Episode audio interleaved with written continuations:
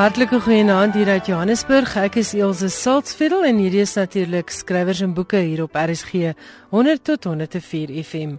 Ek hoop jy geniet vanaand se program. Van genotvolle programme gepraat. Ek het verlede week se regstreekse uitsending van Chris Karsten se boekbekendstalling baie geniet. Ons was natuurlik die gaste van Graffiti Boeke daar in die Menlyn Mine Sentrum in Pretoria NB Uitgewers onder leiding van die baie bekwame Eben Pinaar het al die reëlings getref en Chris Karsten was spesiaal hier uit Kanada sodat ons kan praat oor sy splinternuwe roman Die dood van 'n goeie vrou. En tydens die uitsending het ek gesê dat ons 9 van Chris se boeke gaan weggee. Dit is 'n stel van 4 getekende eksemplare uit Chris se pen. Die boeke is Die ontwaking, Die verdwyning van Billy Katz, 'n man van min belang en die dood van 'n goeie vrou en die gelukkige wenner van daardie vier getekende eksemplare is Marlene Gavin van Kuilsrivier. Dan was daar ook 5 eksemplare op die spel van die dood van 'n goeie vrou en die wenners daar is Pieter Botha van Sedgefield, Nella van Deventer van Teresa Park, Dion Kloete van Oudtshoorn, mevrou Lita De Plooy van Vanderbijl Park en Wilna Nieuwoud van Klein Willem. Baie geluk aan julle ses. Julle sal binnekort julle boeke ontvang van NB Uitgewers. Baie dankie aan al die luisteraars wat laat weet het hoe baie hulle die program geniet het. Ek is baie bly dat ons by RSG vir julle sulke wonderlike geleenthede na julle voorhuis kan bring. Dan was daar 'n luisteraar wat my betug het oor die gebruik van die woord genre in 'n Afrikaanse program. Terloops, meneer of mevrou, jy spel die woord G E N R E en nie J A N D E R E nie. Genre is inderdaad 'n Afrikaanse woord. Volgens die etimologie woordeboek van Afrikaans het ons die woord oorgeneem uit Nederlands. Die Nederlanders het die woord weer geleen by die Franse en die Franse het die woord genre gekry uit Latyn. So genre is inderdaad Afrikaans en ek ken dit al jare lank as 'n letterkundige term in Afrikaans. En gaan kyk maar gerus, dit is opgeneem in die WAT, dit is die Woordeboek van die Afrikaanse taal, die HAT, die Handboek by die Afrikaanse taal en ook in die AWS, die Afrikaanse Woordelys en spelreëls. En dankie aan Viva, die Virtuele Instituut vir Afrikaans wat ook hierdie navraag van my bevestig het. Dan wil ek my innige simpatie betuig met die naasbestaandes van die skrywer Jaco Botha. Hy was 'n baie geliefde figuur in Afrikaans en baie betrokke by die letterkundige webwerf Litnet. Aan almal wat vir hom lief was en al sy kollegas, mag julle berusting vind in hierdie moeilike tye en troos julleself daaraan dat Jaco se bydrae tot Afrikaans nog baie lank sal voortleef.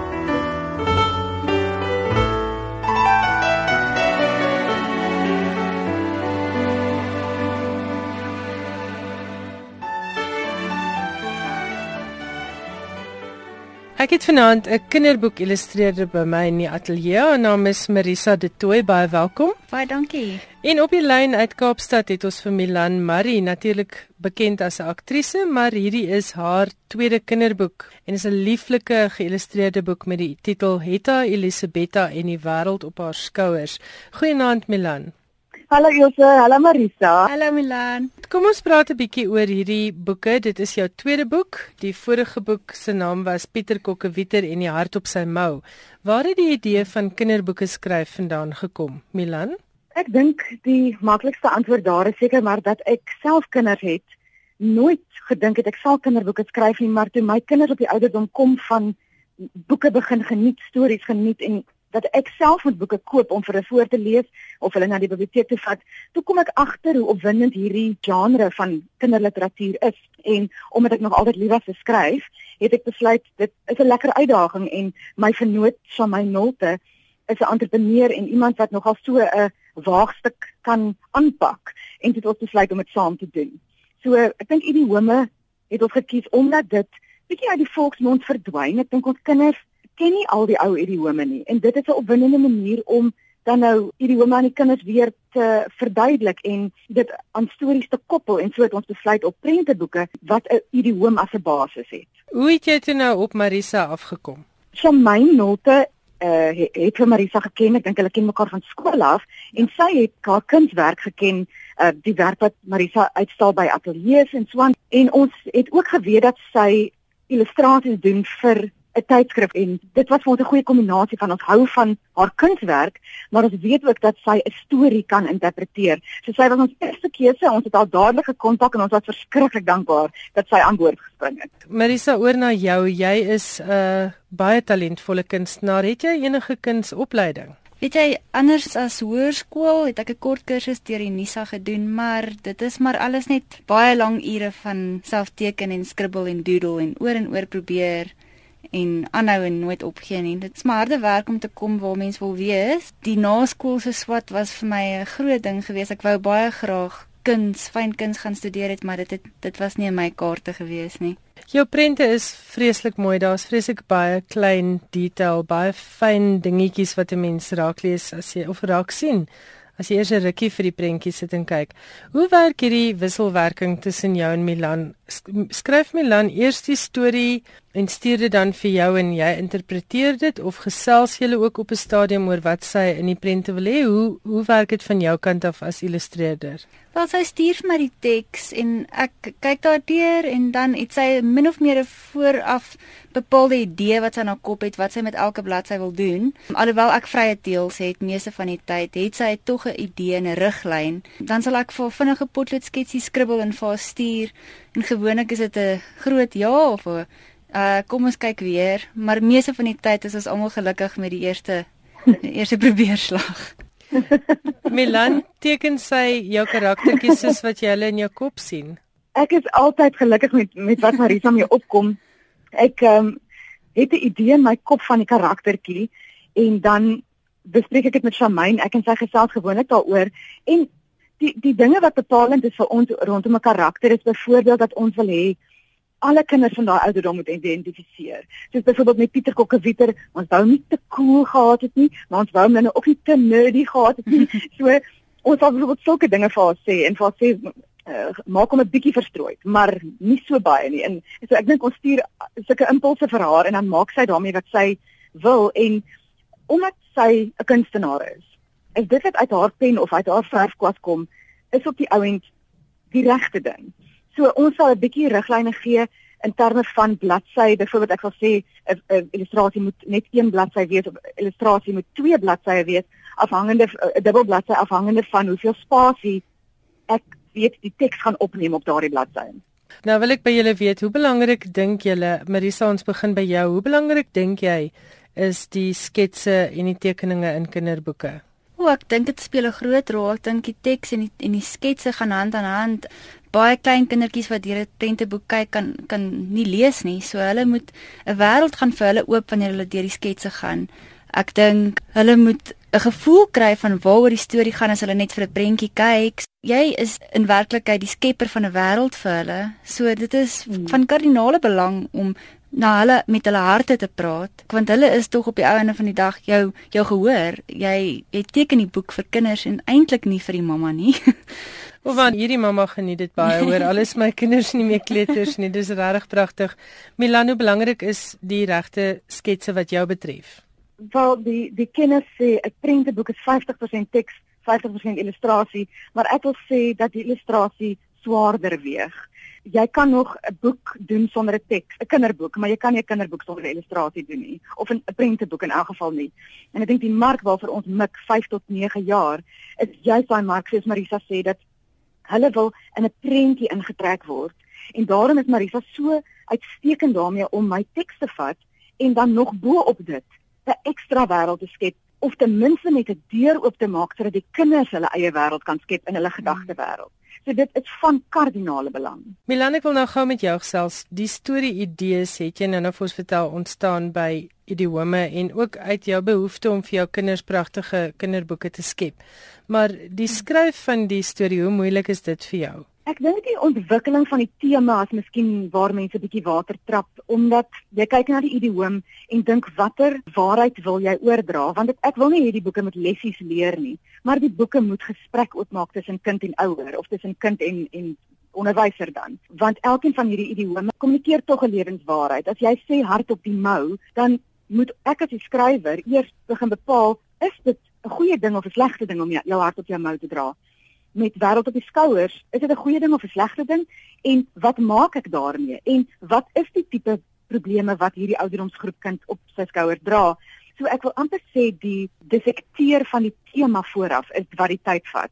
En dan as ek 'n rigting het, dan is die skryf vir my nogal maklik en lekker. En ek sien jy het rymteks gebruik. Dit rym nie oral nie, maar daar's 'n lekker ritme en 'n hier en daar is daar 'n ja. lekker rymwoord of so. Was dit met opset of het dit toevallig gebeur? Nee, dit was met opset definitief. Ons het besluit op rym omdat die tema van wêreld op die skouers so 'n swaar tema is.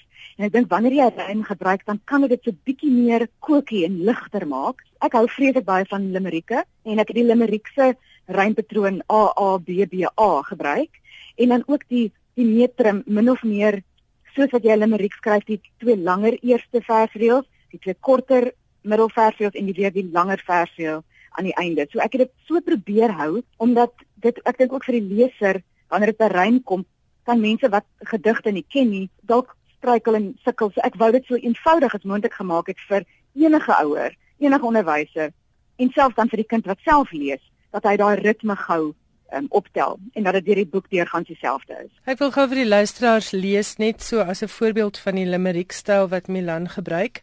Holderste bolder af teen die berg, tuimel en rol die goed, dis te erg. Branders en muise en visse en huise in 'n oogwink is al die kommergoed weg. Dis vir my regtig 'n pragtige boek hierdie. Ek wil net gou vir jou 'n vraag vra Marisa. Gebruik jy verskillende materiale, verskillende tegnieke watter werk vir die lekkerste as jy kinderboeke illustreer? Ek gebruik enigiets wat ek in die hande kan kry. Ek gebruik waterverf, akrielverf, akwarel potlode, penne, gewone potlode, pyserpotlood, enige iets maar wat vir my um, my gunsteling is en aan my hart lê is maar 'n 0.05 mm pen. Ek hou daarvan om fyn detail in te sit en um, ek raak soms 'n bietjie uh, vasgevang in al die klein fyn stukkies maar ehm um, dis wat vir my lekker is en dis wanneer my my beste werk uitkom is wanneer ek so kan fyn sit en doodle vir ure en dae lank. Terwyl jy nou praat van ure en dae lank, hoe lank vat 'n skets jou? Byvoorbeeld die ene wat ons nou saam met Holderste Bolder af teen die berg, saam met daardie stukkie teks. Dit is 'n vreeslike ingewikkelde skets met baie fyn detail. Ek sien dis waarskynlik pen. Ja. Hoe lank het hierdie skets jou geneem? Dit het redelik lank gevat. Ek het in elke klein stukkie detail nogal redelik tyd spandeer. So week op die meeste. Met Pieter Kokkewieter het ek 'n week gevat per bladsy of dubbel uitleg, maar ehm um, met Hetta het dit al vinniger gegaan en beter gegaan. Ek dink met elke boek sal ek beter word, maar dit's gewoonlik so 4, 5 dae, redelik 3 dae die laaste ruk hier teen die einde het ek goed geraak, maar ja, hierdie spesifieke ene waarna jy verwys het my so 5 dae gevat. En ek dink ons moet hom op die webwerf sit dat ons luisteraars kan sien want dit is uh, as 'n ouer kan 'n kindervoorlesing vir al die kleintjie die boek elke aand wil hoor, mm -hmm. kan dit later nogal redelik um, uitmergelend raak, maar hier's genoeg in hierdie sketse om my te vermaak as 'n volwassene. en ek wil vir jou daarmee gelukwens. Milan sê gou vir my, waar kan mense hierdie boeke van jou bestel? Is dit in boekwinkels of bestel hulle dit by jou? Die boeke is die maklikste om te bestel op ons webwerf www.murrayandme.co.za. Maar dit is by uitgesoekte boeke. Ek weet daar's 'n hele paar van op uh, die Bakenboeks. Uh boekwinkels is daar redelike paar P&A's, maar die land is groot en daar is baie boekwinkels wat die boek nie het nie. So ek sou voorstel as jy verseker wil weet jy kry een in ons lewer vir vir af by jou deur, dan gaan jy na die webwerf www.murrayandme.co.za www.co.za. Goed, en werk julle alreeds aan 'n boek vir volgende jaar want ek sien uh, Pieter Kokkewieter het verlede jaar verskyn, nou is dit tyd vir Hetta Elisabetta. Is daar iets op pad vir 2017? Ja, absoluut. En die idioom wat ons gebruik as die tema is kop in die wolke. Dit klink absoluut pragtig. Baie geluk met hierdie mooi boek. Julle twee sê ook vir Shamaine Nolte baie geluk Milan. Ek dink is 'n welkome baie welkome toevoeging tot die Afrikaanse kinderboekemark. Ag, dankie. En sterkte. Lekker om te hoor, dankie. Ja, sterkte met die volgende projek. Ons maak so, dankie. Dit is die stem van Milan Marie, natuurlik 'n baie bekende aktrise, maar ook nou bekend as kinderboekskrywer. En ons het vanaand gesels oor haar tweede kinderboek, Etta Elisabetta in die wêreld op haar skouers. En natuurlik hier by my in die ateljee in Johannesburg was Marisa de Tooi wat optree as die illustreerder vir Milan se kinderboeke. Gaan kyk gerus op RSG se webwerf en daar's een van Marisa se pragtige illustrasies uit Hetta Elisabetta en die wêreld op haar skouers en dan sal julle sien wat ek bedoel met fyn detail en absolute ongelooflike heerlike waarnemingsvermoë. Die boeke kan bestel word by www.mariandme.co.za. Ek gesels vanaand met Daniel Hugo. Hy is natuurlik bekend as 'n digter en 'n bekende stem hier op RSG, maar vanaand gesels ons oor die Prins Albert Leesfees. Daniel, goeienaand en vertel ons gou-gou hoe's jy betrokke by die Prins Albert Leesfees? Ja, dit is vir my lekker om weer op skrywers en boeke te praat. Ek is uh, betrokke as eintlik net as 'n deelnemer aan die fees. Ek gaan saam met Margaret Luit en met Diana Ferris gedigte voorlees, 'n keuse van ons geliefkoeste gedigte en ek gaan 'n onderhoud voer met twee Kaapse digteresse, Geria Fredericks en Shimone Rode. Maar uh, die rede hoekom ek vanaand hier praat is waarskynlik omdat ek getroud is met een van die organiseerders van die fees, Marlene Malan. Hoe insait jou 'n bietjie vorentoe gestoot hier onder onder druk om met my te gesels vanaand. ja, inderdaad.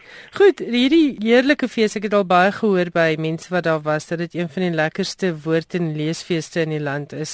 Dit begin die 4de November. Dit is nou natuurlik hierdie Vrydag. Vertel vir ons 'n bietjie wat gebeur alles daar.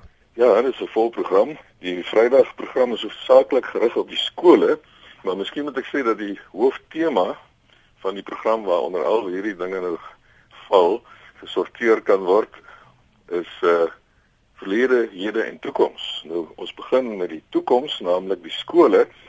Daar's 'n program vir die hoërskool, die Hoërskool Swartberg, waar die jeugskrywer Ansel Koelsen en die rymkletsers Joma en die hoofvig gaan optree. En dan dieselfde dag is daar ook 'n program vir die Prins Albert Primêre Skool waar die jeugskrywers Susan Ongansi en weer Ansel Koelsen gaan optree. Dan die aand is dit nou die amptelike opening van die fees deur Japie Gous, die besturende direkteur van die ATKV. En dan is daar 'n gesprek met Karoo skrywers, Susan Ongansi, David Piet en Hannes Visser.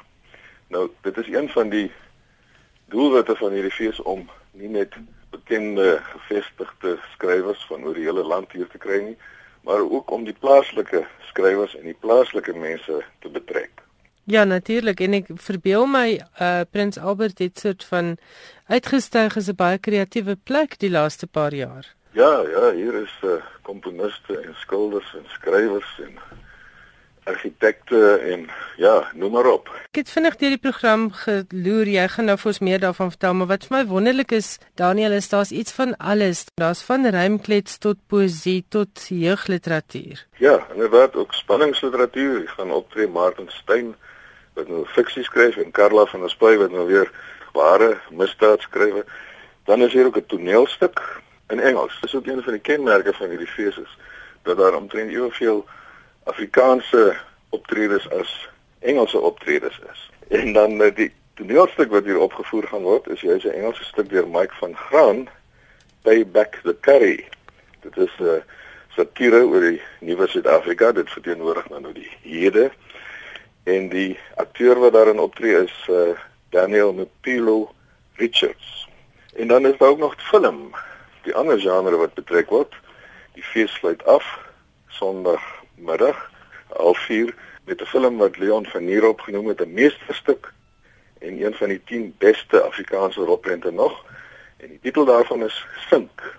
Dit is aangrypend. Dit is werklik waar 'n film wat al die internasionale eer wat dit kry verdien. Ja, en dan pas dit ook mooi in by die tweetaligheid van die fees omdat die film natuurlik in Afrikaans is, maar met Engelse onderskrifte. Kom ons gaan aan na Saterdag se program. Saterdag is daar weer 'n program vir die kinders, 'n slipskool vir leerders en ook 'n rymklets werkswinkel. En uh, voor die fees is daar ook 'n skryfkompetisie gereël vir volwassenes en vir leerders en die uh, wenners gaan ook daar bekend gemaak word en die wenners en naaswenners sal ook genooi word om te deel te word van daardie slypskool wat aangebied word deur weer eens Ansel Coulson. Dan uh, om die verlede deel van die hooftema te betrek is daar die boek van uh, Luc Panhuisen oor Robert Gordon. Dis die man na wie Gordons baie genoem is. Maar daar's op uh, Prins Albert ook 'n Robert Gordon kopie. Hy was 'n uh, verkenningsreisiger deur Suid-Afrika, maar ook die bevelvoerder in die Kaap, die Kaap deur Engelse ingenemers. En hierdie boek is vertaal uit Nederlands deur Willem van Sail en hy gaan in gesprek wees met Judy Maguire, ook 'n plaaslike persoon hier van Prins Albert, sy's 'n paleontoloog en 'n historikus. En dan uh, ook iets wat by die verlede deel aansluit, is uh, die boek van Marianne Tam, haar lewensverhaal eintlik wat nou pas verskyn het. Dit is dan ook in Engels natuurlik. Hitler verwoord Mandela en me, a memoir of sorts. En sy gaan ondervra word deur Dennis Kruiwagen, die bekende joernalis wat ook skrywer is van onder meer daardie boek oor die twee Viljoenbroers, die generaal en uh en sy broer. Dis Brothers in War and Peace is die titel van daardie boek. Ja. Maar goed, ek het nou 'n bietjie rondgespring, hè. Ons is nog altyd by Saterdag 5 November hier op Prins Albert se leesfees. 'n baie interessante gesprek sal sekerlik wees met Jolene Phillips. Diana Ferris gaan die onderhoud met haar voer oor haar boek Ching Chang Cherries and Other Stories. Dit gaan oor haar jeug in Gansbaai. Dan is jy ook 'n uh, eh, kosskrywers wat optree. En 'n uh, baie interessante kosskrywer is natuurlik Sally Andrew wat eintlik haar kosverhale vervleg met uh, mysteries. Dit is die sogenaamde Tannie Maria mysteries. En uh hulle gaan uh by 'n restaurant hier optree en daar gaan ook van die Tannie Maria se teetyd versnaperings voort voorgesit word deur juist weer twee plaaslike kokke.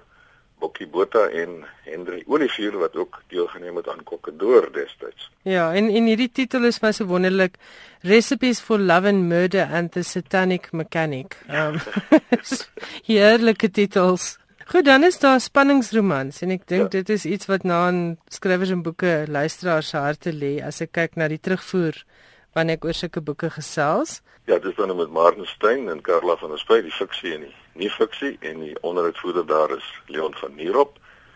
Dan het ons weer kokke wat optree, twee Kaapse kokke, Kusum Kamali en Floris Skrikker met hulle boek Kook saam Kaaps.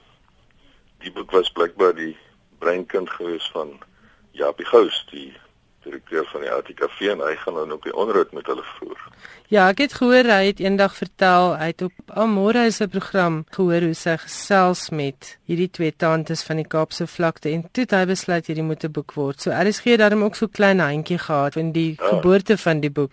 Ja, ja, ek moet ook sê dat al die dinge of die meeste van hierdie optredes vind plaas in die Jans Rautenbach Skouburg hier in die Beerstraat. Daar's twee teaters op Prins Albert die showroom in die Hoofstraat waar die rappers, die kletsreiners gaan optree. Maar dan die meeste van die program vind plaas daar by die Jans Rautenbach Skouburg wat mooi op Nederlands gespel word Skouburg. En alles is dus daar gekonsentreer en die mense kan daar middagete kry en verversings en wat van belang is daar is ook 'n baie goeie boekwinkel wat tydens die fees daar gaan boeke verkoop. So dit is alles in een stop hierdie naweek vir boeke en lekker kultuurdinge daar op Prins Albert. Ons kan ek dit nie self stel nie, ja. Goed, en ek stel baie belang in die volgende boek op die program, hierdie Gangtown van Don Pinnock. Vertel ons bietjie daarvan. Ek het die boek nog self nie gelees nie, maar dit gaan oor Kaapstad. Kaapstad wat nou een van die mooiste stede in die wêreld is en een van die grootste toeriste attraksies is ook die hoofstad van bendes in Suid-Afrika. En Don Pinnock is 'n ondersoekende joernalis en 'n kriminoloog Hy het die boek geskryf en Dennis Kruiwagen, ook 'n joernalis en 'n politieke kommentator, gaan dan die onderhoud met hom voer. En daarna is die Kaapvirolas, dan uh, het ek 'n gesprek met Geria Fredericks en Simone Rode oor hulle gedigte in Kaaps. Al twee is gepubliseer.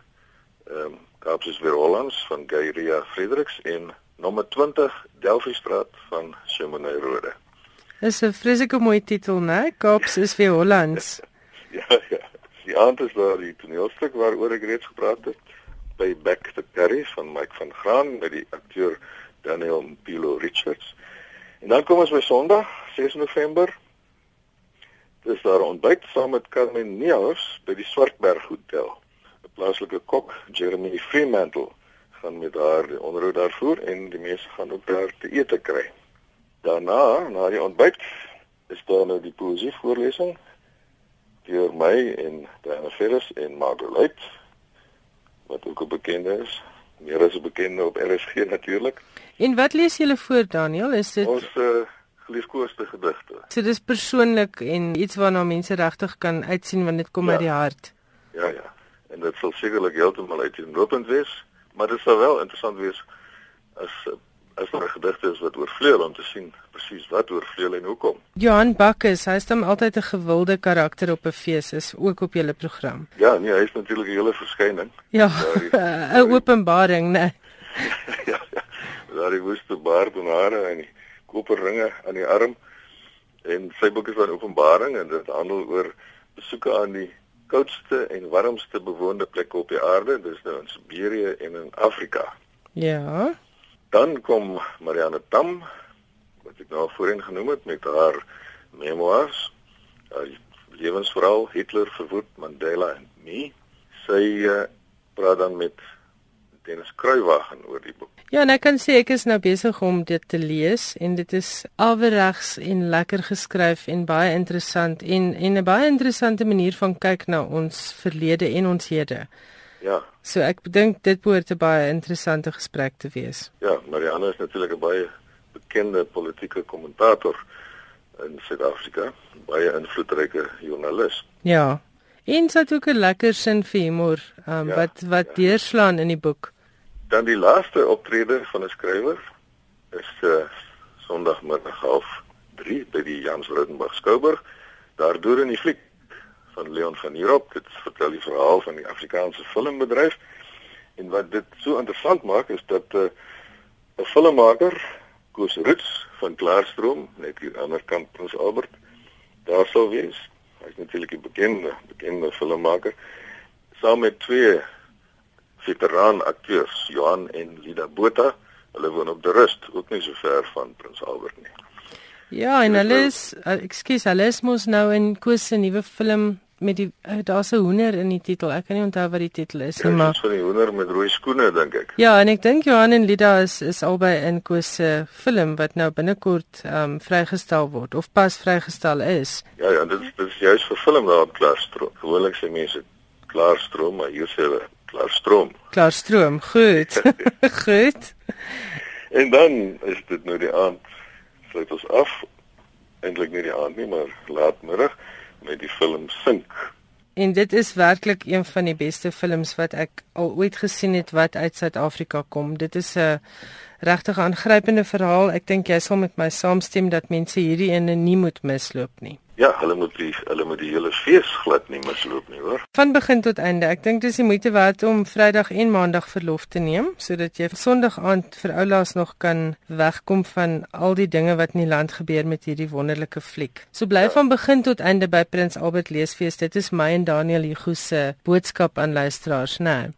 Dit is presies so. Hier is natuurlik ook heerlike blyplek en eetplek en kuierplek op Prins Albert. Ek sien die kaartjies is by prinsalbert.org.za, maar hoe maak mense wat nie die plek ken nie en wil weet waar om te bly, Daniel?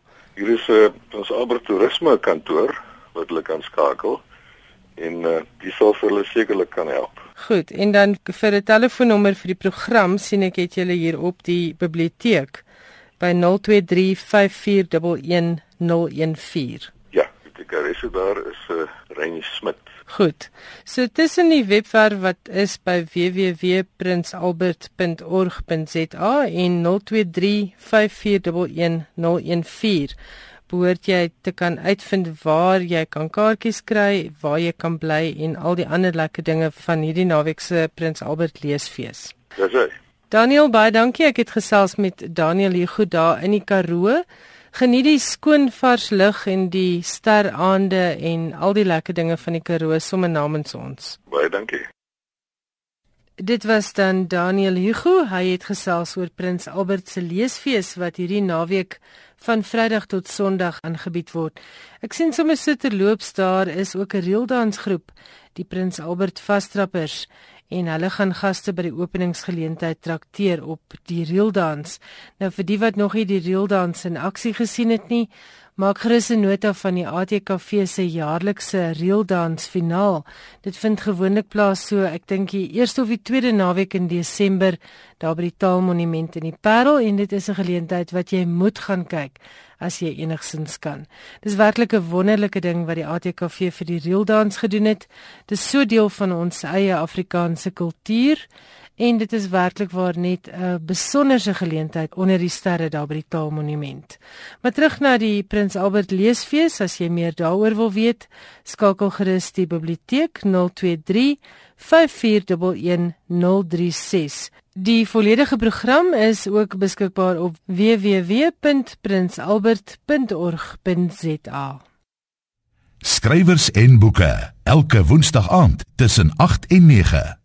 Nou is Johan Meiburg weer terug by ons in die ateljee. Verlede week het ons jou gemis Johan want ons het regstreekse uitsending gehad. Maar waar gesels ons vanaand? Oor die Man Booker Prys, oor um, Tim Cousins wat dood is en oor 'n nuwe prys, die Nine Dots Literêre Prys. Goed, die mikrofoon is joune. Paul Beatty het die eerste Amerikaner geword om die Man Booker Prys te wen.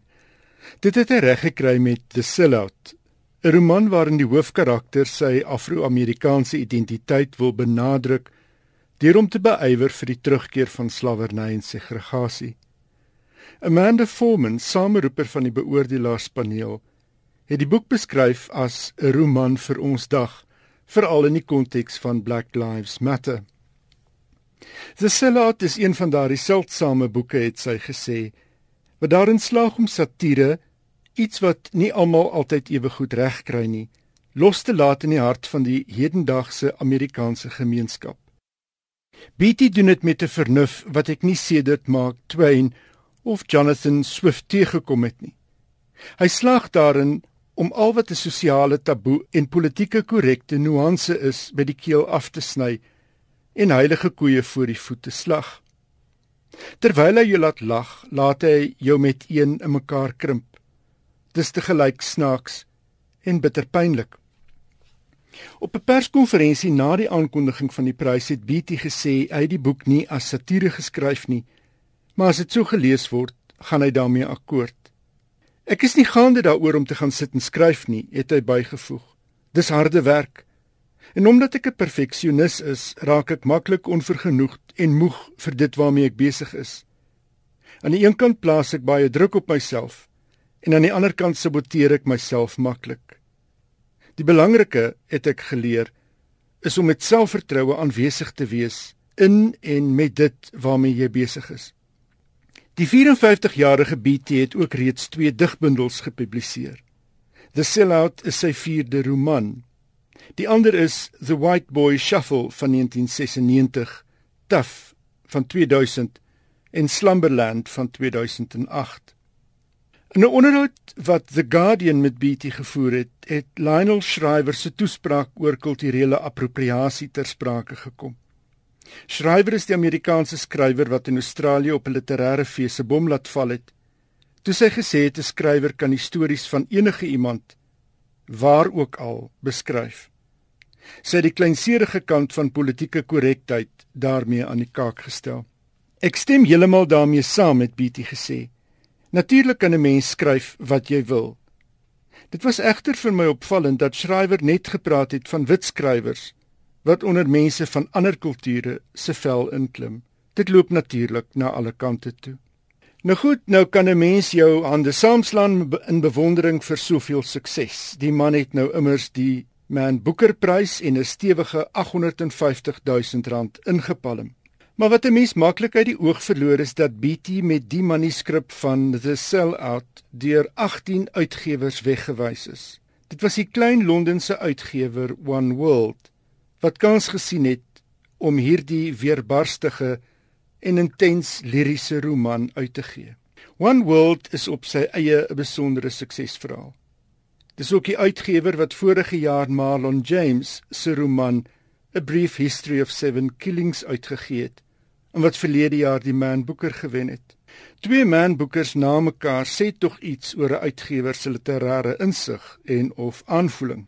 In 1986 het die egpaar Novum Doostar en Juliet Maybe 'n klein uitgewery in Londen begin met die fokus op nie-fiksie en akademiese boeke.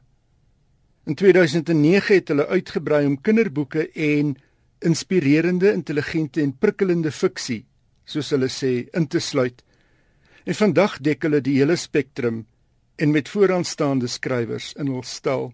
Sedertdien het verskeie van One World se skrywers lang sowel as kortlyste van bra gesogte literêre pryse behaal. Jy het so 2-3 weke gelede ook gepraat van 'n vrou wat ook 'n klomp keer afgekeur is, ook by onbekende uitgewers gaan uitgee het en toe 'n gesogte prys verower het. Ek kan nie onthou nie, ek dink die kein kein prys of iets. Ek kan nie onthou watter een dit was. Maar dit wys nou maar net vir jou dit is aanhou en aanhou en aanhou en aanhou. Dis nie maklik nie en um, en dikwels is dit die klein uitgewery wat uh, besluit om om sy kop te waag. Ja, want die grootes kyk met ander oë, hulle kyk met kommersiële oë gewoonlik na werk terwyl die kleiner mense, ek weet nie waarna hulle kyk nie, maar dit is wonderlik, 18 kere afgekeur. En nou die Man Booker Prys. Wat volgende op jou lysie? Die wêreldwyd gerespekteerde literêre en sosiale geskiedkundige Tim Cousins is verlede maand in Johannesburg oorlede. Hy was 72. Kyk 'n mens na resensies wat verskyn het oor sy werk, is die goue draad daardeur die feit dat Cousins 'n meester storieverteller was. Iemand wat plek en omstandighede sou kan beskryf dat die leser as dit ware dit kan sien en ruik wat hy of sy lees. Sy jongste boek, South African Battles, wat in 2014 verskyn het en wat vinnige topverkoper geword het, is 'n beskrywing van 36 veldslae oor 'n tydperk van 500 jaar. Hy drie biografieë die lig laat sien: The New African in 1985 oor die lewe en die werk van baanbreker dramaturg H.I.E. Klomo, Tramp Royal: The True Story of Trader Horn van 1992 en Murder at Murija van 2003 as 'n poging om die 90 jaar oue arseenvergiftiging misterie te ontrafel. Vir Trump Royal het Cousins die CNA prys asook die Sunday Times Allen Payton prys gekry. Cousins het aan die universiteite van Rhodes en Oxford studeer en het Engels gegee aan Wits tot hy in 1976 deel geword het van Wits se Instituut vir Afrika Studie waar hy tot en met sy aftrede professor was. Dan het jy ook genoem van 'n splinternuwe prys Johan. 'n Nuwe literêre prys met prysgeld van sowat 1,4 miljoen rand is pas in die lewe geroep. Die Nine Dots prys verskil van bestaande literêre pryse in die opsig dat dit toegeken word aan 'n boek wat nog nie geskryf is nie. Nine Dots verwys na 'n kopkrapper speletjie wat laterale denke verg. En om te kwalifiseer vir die prys, moet skrywers reageer op die vraag: Maak digitale tegnologie politiek onmoontlik. Gepubliseerde sowel as debuutskrywers kan deelneem en moet 'n antwoord van 3000 woorde op die vraag indien tesame met 'n voorstel van hoe hulle hul argument tot 'n boek van 30 tot 40000 woorde sal uitbrei. Die voorleggings word deur 'n paneel beoordelaars bekyk wat bestaan uit akademici, skrywers en joernaliste. Die wenner kry ook 'n publikasiekontrak met Cambridge University Press. Die prys word geborg deur die Kadas Prysstichting, 'n liefdadigheidsorganisasie wat navorsing bevorder wat en ek haal aan aandag gee aan belangrike eie tydse kwessies wat dikwels agterweë bly. Die organiseerders hoop om met die prys innoverende denke aan te moedig.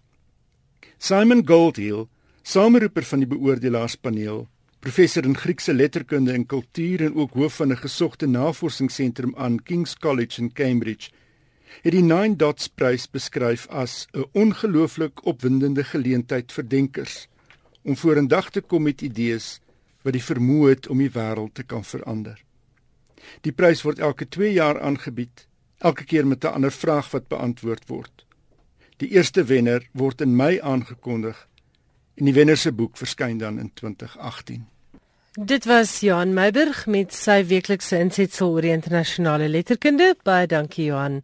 daarmee groet ek dan volgende week dieselfde tyd as ek terug. Dis Woensdag aand om 8uur net hier op RSG. Ek is Elsje Salzwetel. My e-posadres is skrywersandboeke@rsg.co.za en as jy 'n SMS wil stuur, die nommer is 34024 en elke SMS kos R1. Moenie na die radio afskakel nie, daar's nog heerlike musiek vanaand. Tot ons volgende week weer gesels. Totsiens.